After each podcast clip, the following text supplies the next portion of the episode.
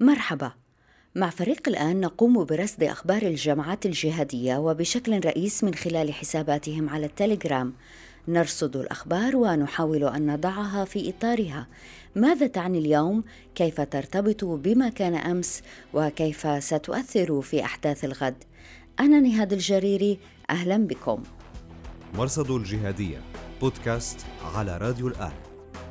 عناوين هذا الأسبوع أنباء عن قتل زعيم تنظيم القاعدة في شبه جزيرة العرب قاسم الريمي في غارة أمريكية. داعش يعلن عن أن القدس هي عنوان المرحلة التالية من تاريخه الأسود. هيئة تحرير الشام تتراجع في ريف إدلب. تعود إلى الإنغماسيين وتعقد صفقات غريبة. ويبدو أن القاعدة في غرب إفريقيا تواجه انشقاقات لصالح داعش. وفي النصف الثاني من هذه الحلقة نتحدث إلى ثلاثة خبراء عن مفهوم القدس لدى الجماعات المتطرفة. الدكتور محمد السعيد إدريس مستشار مركز الأهرام للدراسات الاستراتيجية والسياسية في القاهرة. فهو يعطي إسرائيل ويعطي أمريكا فرصة تشويه أن من يقاتل أو يحاول تحرير القدس هو الإرهاب. وليس الشعب الفلسطيني المكافئ الذي من حقه أن يقاوم.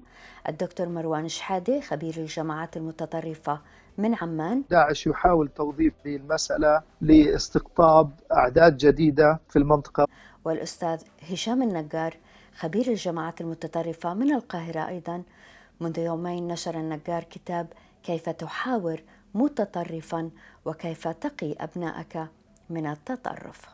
ده هدف إسرائيل وهو تكريس النماذج الدينية بالمنطقة. مرصد الجهاديه مساء الجمعة 31 يناير 2020 نقلت صحيفة نيويورك تايمز عن مسؤولين أمريكيين لم تعرفهم أن زعيم تنظيم القاعدة في شبه جزيرة العرب قاسم الريمي قتل في غارة أمريكية حتى ساعة تسجيل هذه الحلقة في الساعات الأولى من صباح الأحد 2 فبراير لم يتم تأكيد الخبر لا من مؤسسات أمنية أمريكية ولا من أجنحة القاعدة. لكن مؤسسة الملاحم الجناح الإعلامي للقاعدة في شبه جزيرة العرب نشرت منذ حوالي ست ساعات منشورا يحمل صورة الريمي كتب عليه قريبا جديد مباركة وتبني الهجوم على القاعدة الجوية الأمريكية بنساكولا في فلوريدا لقاسم الريمي الهجوم وقع مطلع يناير الماضي عندما قام مجند بإطلاق النار على عناصر هناك. هل في هذا التسجيل تأكيد أو نفي قتل الريمي؟ لا نعلم. وسيم نصر الصحفي في فرانس 24 المتخصص في الجماعات الجهادية لاحظ أن إعلان الملاحم اليوم لم يحمل العبارات المعهودة حفظه الله أو تقبله الله فلا تأكيد ولا نفي ولا نعلم أيضا متى وقعت الغارة التي يفترض أنها قتلت الرجل. مينا اللامي الصحفية المتخصصة في الجماعات الجهادية في ال BBC Monitoring كانت رصدت أخبار من مصادر إعلامية يمنية عن غارة وقعت خلال اليومين الأخيرين من يناير وأن الريمي قتل فيها. على كل حال نيويورك تايمز نقلت عن مصادرها أن مخبرا ساعد الأمريكيين في تحديد موقع الريمي في شهر نوفمبر الماضي ومنذ ذلك الوقت وهم يتعقبونه حتى قتلوه بواسطة طائرة مسيرة في يناير. الريمي من مواليد محافظة الريمة قرب صنعاء وشارك في الجهاد الأفغاني. كان أحد أربعة أشخاص أعلنوا تشكيل تنظيم القاعدة في شبه جزيرة العرب من دمج أفرع القاعدة المختلفة في المنطقة. الثلاثة الآخرون كانوا أبو الحارث العوفي القائد الميداني وأبو سفيان الشهري نائب الأمير وناصر الوحيشي أمير التنظيم. الريمي كان القائد العسكري. بعد قتل الوحيشي في غارة أمريكية في 2015 تولى الريمي زعامة التنظيم. يعتقد أنه لعب دورا مهما في هجمة 2008 ضد السفارة الأمريكية في صنعاء وأشرف على محاولة تفجير الطائرة الأمريكية المتجهة من أمستردام إلى ديترويت يوم عيد الميلاد سنة 2009 بواسطة النيجيري عمر فاروق عبد المطلب الذي كان يضع متفجرات في ملابسه الداخلية. واشنطن خصصت مبلغ عشرة ملايين دولار مكافأة لمن يدلي بمعلومات عنه. فإلى أهلنا في شام الإسلام. السلام عليكم ورحمة الله وبركاته. في شهر نوفمبر الماضي وجه الريمي من خلال الذراع الإعلامية للتنظيم الملاحم رسالة صوتية إلى الجهاديين في سوريا بعنوان إلى أهلنا في الشام سيجعل الله بعد عسر يسرا. في الرسالة نصح الجند بالالتزام بتعليمات أمرائهم وعدم التشكيك فيهم.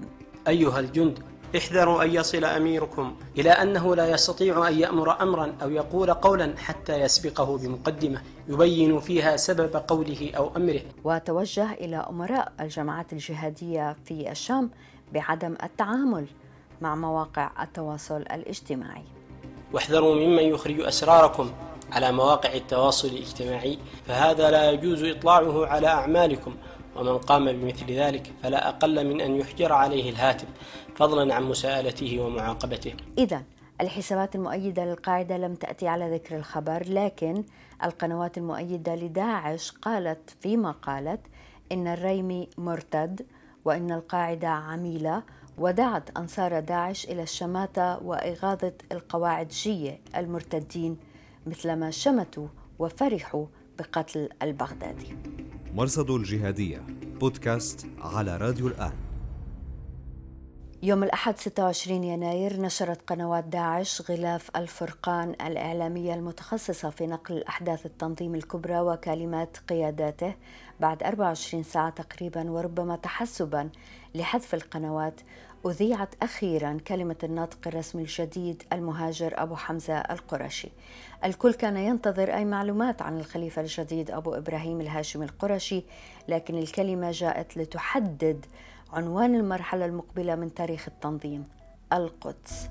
نقاتل في العراق وعيوننا على بيت المقدس. أهم الملاحظات من الكلمة داعش تجاوز مسألة الخليفة والخلافة ففي أدبياتهم تحرير القدس مرجأ إلى ما بعد تمكين الخلافة لكنهم اليوم يعتقدون أنهم لا يزالون أصحاب سلطان وأن الخلافة لا تزال قائمة.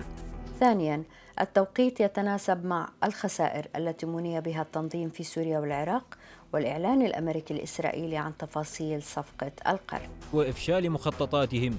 كصفقة قرنهم. في الكلمة حض التنظيم أنصاره في ولايتي سيناء والشام على استهداف اليهود في المنطقة بالصواريخ الكيماوية. جعلوها أرضا لتجربة أسلحتكم وصواريخكم الكيميائية وغيرها. فهل يملك داعش أسلحة كيماوية؟ نعم. موقع الديلي بيست الأمريكي نشر في تاريخ 11 مارس 2019 مقابلة حصرية مع عالم شاب قال إنه طور أسلحة كيماوية لحساب داعش. والحقيقة أن مسألة الحصول على سلاح كيماوي لم يعد أمرا معقدا في ضوء الفوضى الحاصلة في سوريا والعراق. هي ليه عمر ما داعش ضربت إسرائيل؟ ما إن انتهت كلمة داعش حتى أعادت حسابات التنظيم شبه الرسمية وحسابات مجموعات أنصار التنظيم. نشر فيديو طويل نشر أول مرة في ديسمبر العام الماضي 2019 بعنوان شبهات المرجفين تحت أقدام الموحدين في محاولة رد على اتهامات أن داعش لم يقاتل إسرائيل قط. في الفيديو الذي يستمر ساعة وربع ساعة استعراض لهجمات قامت بها حصرا جماعة أنصار بيت المقدس في سيناء منذ نشأة الجماعة في 2011 وحتى بعد مبايعة داعش في 2014 في التسجيل يظهر مقاتلون يتحدثون بالعبرية ومما يقولونه كما أزلنا الحدود بين العراق وسوريا سنزيلها بين الأردن وسوريا وبين سوريا وفلسطين וכמו שהסרנו אותם בין סוריה לעיראק, אנחנו אינשאללה נסיר אותם בין סוריה לירדן وبين سوريا لفلسطين بإذن الله אנחנו وسرعان ما تناقلت دواعش هاشتاج صفقة القرن والقدس هنا صحيفة النبأ في عددها 219 الصادر ليلة الخميس 30 يناير 2020 لم تعلق على الكلمة اكتفت بنشر النص وإبراز فقرات مختارة في الصفحة الأخيرة المخصصة للإنفوغراف. حسابات موالية للقاعدة لم تعلق على إعلان داعش لكنها تفاعلت مع هاشتاج القدس لن تهود.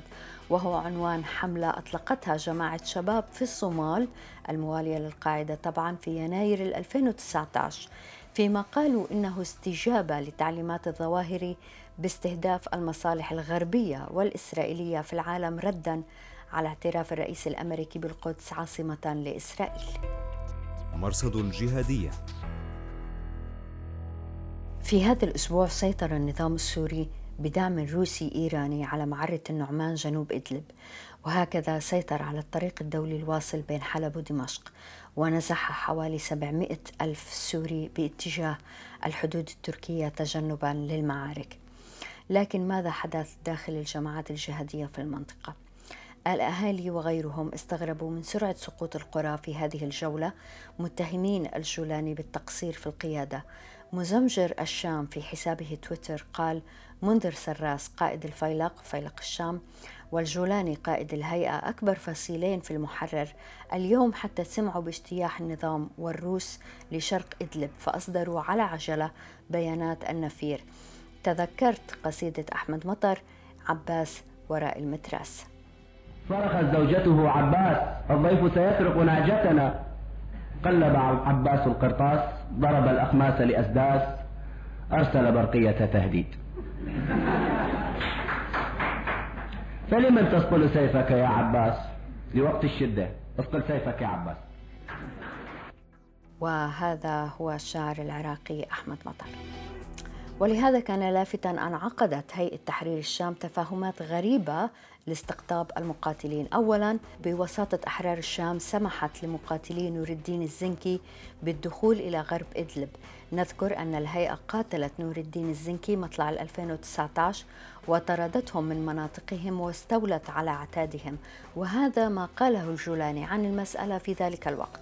عدا حركة نور الدين الزنكي فهي التي فتحت علاقة مع الروس بحجة أن هناك بعض أهالي المنطقة عنده كانوا يتخوفون على المنطقة فيريدون أن يبادروا في المصالحة مع النظام بإشراف الروسي.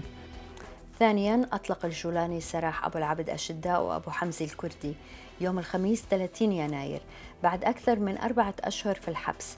أشداء انتقد الجولاني وقادته واتهمهم بالفساد الإداري والمالي والتقتير على المقاتلين مقابل البذل لأصحاب الجهات والمقربين. أشداء من قيادات هيئة تحرير الشام وكان يشرف على فصيل كامل من المقاتلي حلب. ويبدو أنه في هذه الجولة سيعود لقيادة المقاتلين نحو حلب. بيعة على الموت في سبيل الله. بيعة على الموت في سبيل الله عادت العمليات الانتحارية من خلال العصائب الحمراء المعروفة بفرق الموت في هيئة تحرير الشام. في هذا الفيديو المنشور يوم 1 فبراير الانغماسيون يعلنون البيعة بحضور الجولاني الذي ظهر جالسا على كرسي أمامهم وهم قعود ويضع العصبة الحمراء. مرصد الجهادية في إفريقيا نشرت وكالة شهادة بيانا من جماعة الشباب الصومالية يشيد بجماعة نصرة الإسلام والمسلمين في مالي. بعد أسبوع على نشر القيادة العامة للقاعدة بيانا مشابها يشيد بجماعة نصرة. بيان الشباب لم يأتي على ذكر القاعدة أو الظواهري لكن وكالة شهادة في تعليقها على البيان أضافت أن تنظيم القاعدة يعمل بكامل فروعه على ضرب المصالح الغربية وإقامة حكم الشريعة بين مزدوجين على غرار إمارة أفغانستان التي يرتبط بها ببيعة على الجهاد وإقامة خلافة إسلامية. انتهى الاقتباس. وكالة الزلاقة الجناح الإعلامي لجماعة نصرة الإسلام والمسلمين في مالي نشرت مقالا طويلا بعنوان الرد على شبهة أنكم لا تطبقون الشريعة. كتبه قتيبة أبو النعمان الشنقيطي. ويبدو أن أفرادا من داخل الجماعة اعترضت على عدم تطبيق الحدود وأبدت رغبة في الانشقاق إلى داعش. في المقابل يقول الشنقيطي إن ترك إقامة الحدود في حال الغزو والجهاد وتأخيرها أمر شرعي لا غبار عليه. أنصار داعش في حساباتهم وصفوا هذا المنشور بالفضيحة الكبرى لتنظيم القاعدة. وفي اليوم الأخير من يناير كتب كيلب وايس الباحث في Long War Journal عن فيديو نشر على الإنترنت تظهر فيه جماعة غير معروفة تعلن البيعة لداعش في منطقة سيغو وسط مالي. لم يظهر الفيديو أو الخبر في قنوات داعش الرسمية ولا يبدو أن لهم علما به. القنوات غير الرسمية وقنوات الأنصار تناقلت الخبر كما نشر في Long War Journal مرصد الجهادية. إذا من عناوين هذا الأسبوع إعلان داعش القدس عنوانا للمرحلة المقبلة من تاريخهم. ماذا تعني القدس في أدبيات الجهاديين وماذا يعني أن يربط داعش اسمه بهدف سام مثل القدس؟ تحدثت إلى ثلاثة خبراء في المجال. الدكتور محمد السعيد إدريس مستشار مركز الأهرام للدراسات الاستراتيجية والسياسية في القاهرة الدكتور مروان شحادة خبير الجامعات المتطرفة من عمان والأستاذ هشام النجار خبير الجامعات المتطرفة من القاهرة. نبدأ من الدكتور السعيد وعن الخلاف بين مزدوجين بين القاعدة وداعش على مسألة القدس. أنا لا أثق في هذا الكلام أبدا لأن تنظيم داعش منذ نشأته وهو يعني فلسفته مختلفة تماما عن هذا التوجه. هو فلسفته إسقاط الدول القائمة وإقامة دولة الخلافة ليس من أولوياته أن يحارب دولة الكيان الصهيوني أبدا ولا أن يصارع الولايات المتحدة الأمريكية والغرب يعني على عكس تنظيم القاعدة. وده كان الخلاف الجوهري بين أبو مصعب الزرقاوي مؤسس التنظيم الأول دولة الدولة الإسلامية في العراق بانشقاقه عن أسامة بن لادن وتأسيس هذا التنظيم الذي تطور وأصبح الدولة الإسلامية في العراق والشام. كان الخلاف في ترتيب أولويات العمل الجهادي.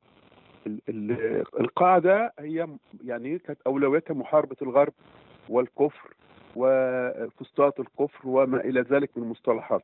ولكن الزرقاوي تأسيسه كان انشقاقي عن القاعدة وعن قيادة القاعدة وزعمتها أسامة بن لادن ثم أيمن الظواهر فيما بعد.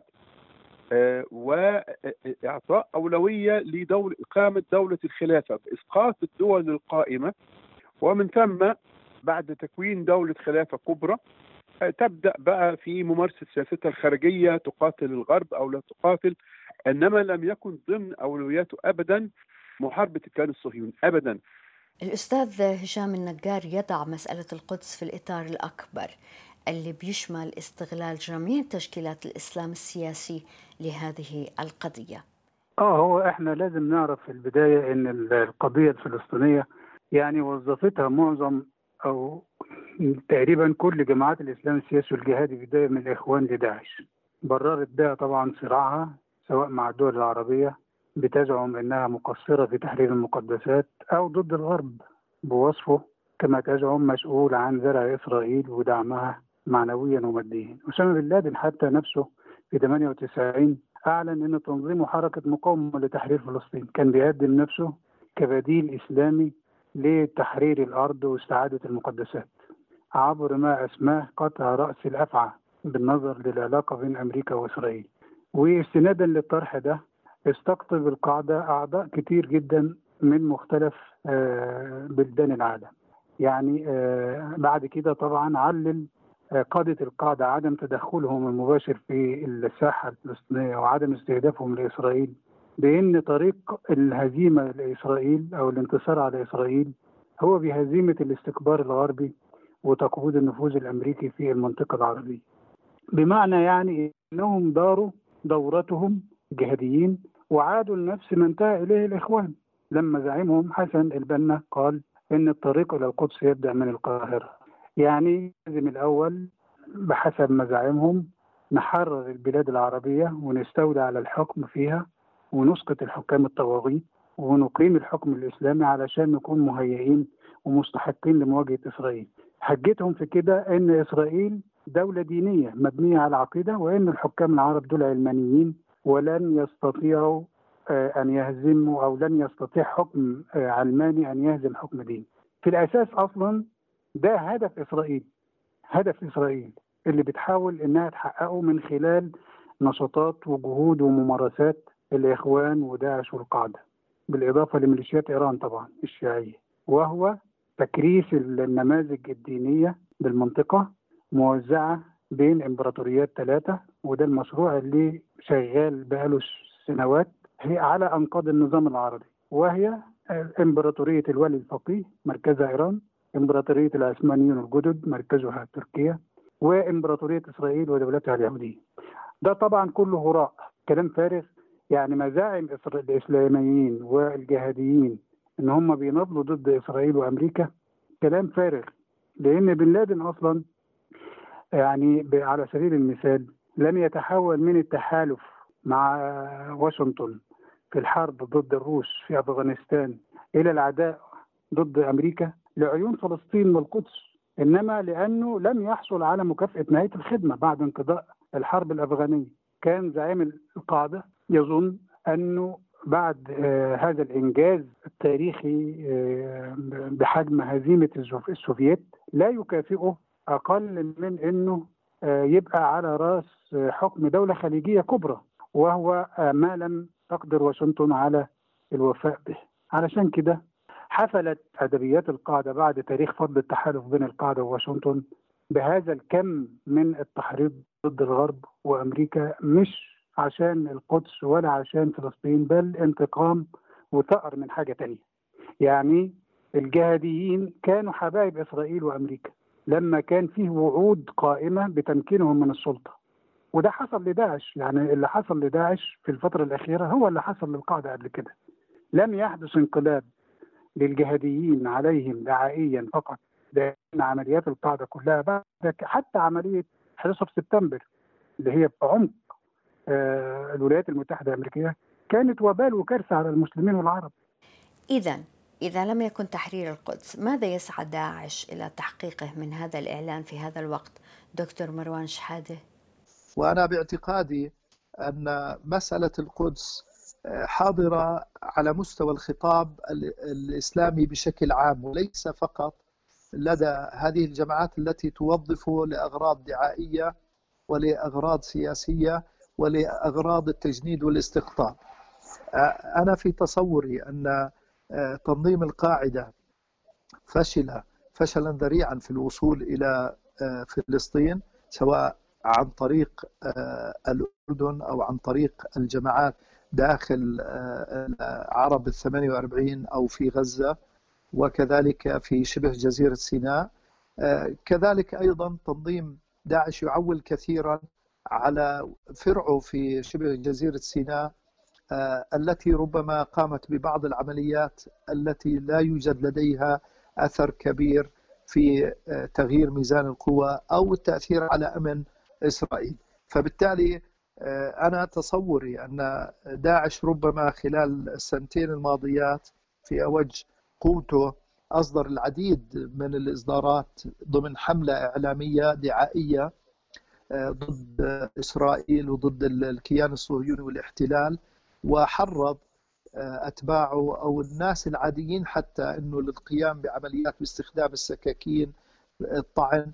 أسوة بما يجري لدى الرأي العام وانتشار هذه الظاهرة في فلسطين المحتلة من قبل شباب.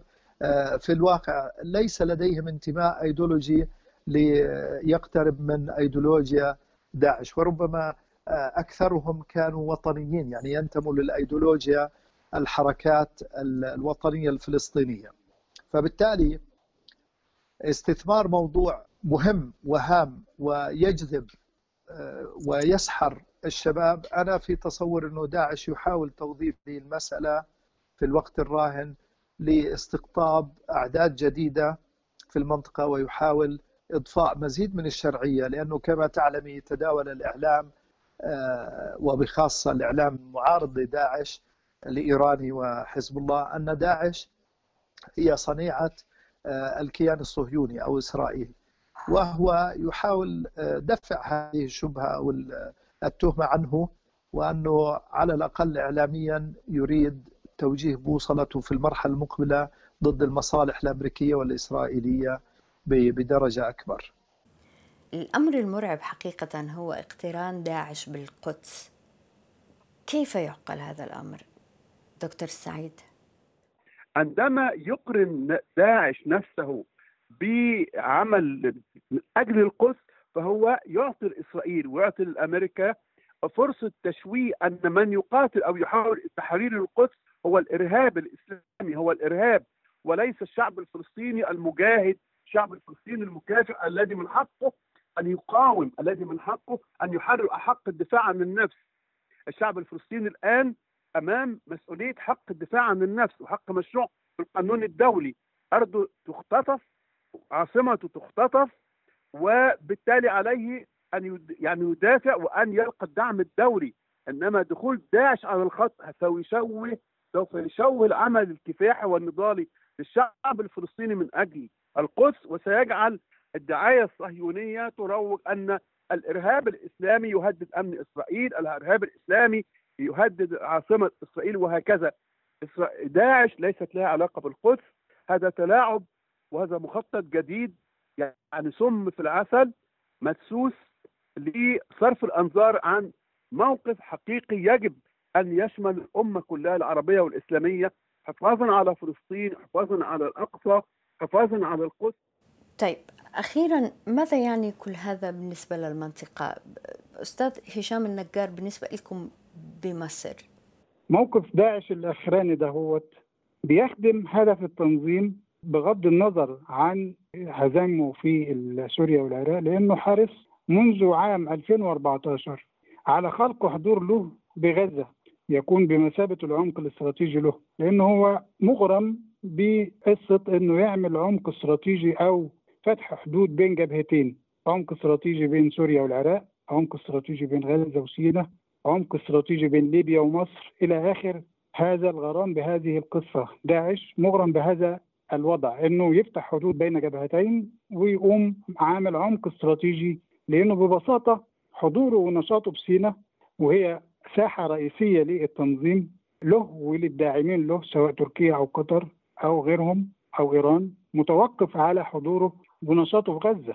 الأمر ده ما بيتحققش نشاطه في سيناء إلا بإسناد بشري ولوجستي من قطاع غزة التمدد بيعمل له على على يعني على عدة محاور استراتيجية مترابطة ومتجاوره ومتجاورة بيفيد داعش عبر هز الاستقرار على إحدى هذه الجبهات في حال تعرضه لضغوط بساحة أخرى بساحة من هذه الساحات والتمكن من ابتزاز طرف من هذه الأطراف الثلاثه.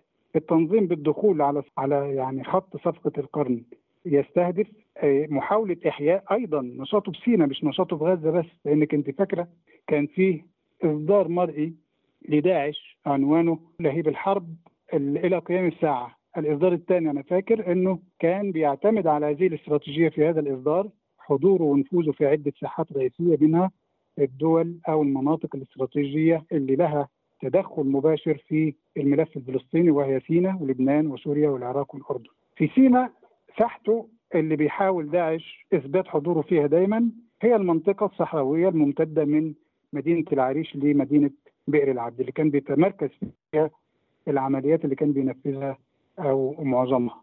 عشان كده مصر ضغطت على حماس عشان تقوم بالحركة بإجراءات صارمة ضد العناصر السلفية الجهاديه في غزة وضد عناصر حماس المنشقين اللي انضموا لداعش وشاركوا في عمليات ضد الجيش المصري. استراتيجية الحكومة المصرية كانت هدفت ل يعني مع حماس لتشديد الحصار على تنظيم ولاية سيناء وتضييق الخناق على قادته وأعضائه وقطع أي خطوط إمداد بشري له. شكرا للجميع. الدكتور محمد السعيد إدريس من مصر الدكتور مروان شهادي من الأردن والأستاذ هشام النجار من مصر. شكرا جزيلا لكم. وشكرا جزيلا لوجودكم معنا في راديو وتلفزيون الآن أنا نهاد الجريري. مع السلامة. مرصد الجهادية بودكاست على راديو الآن.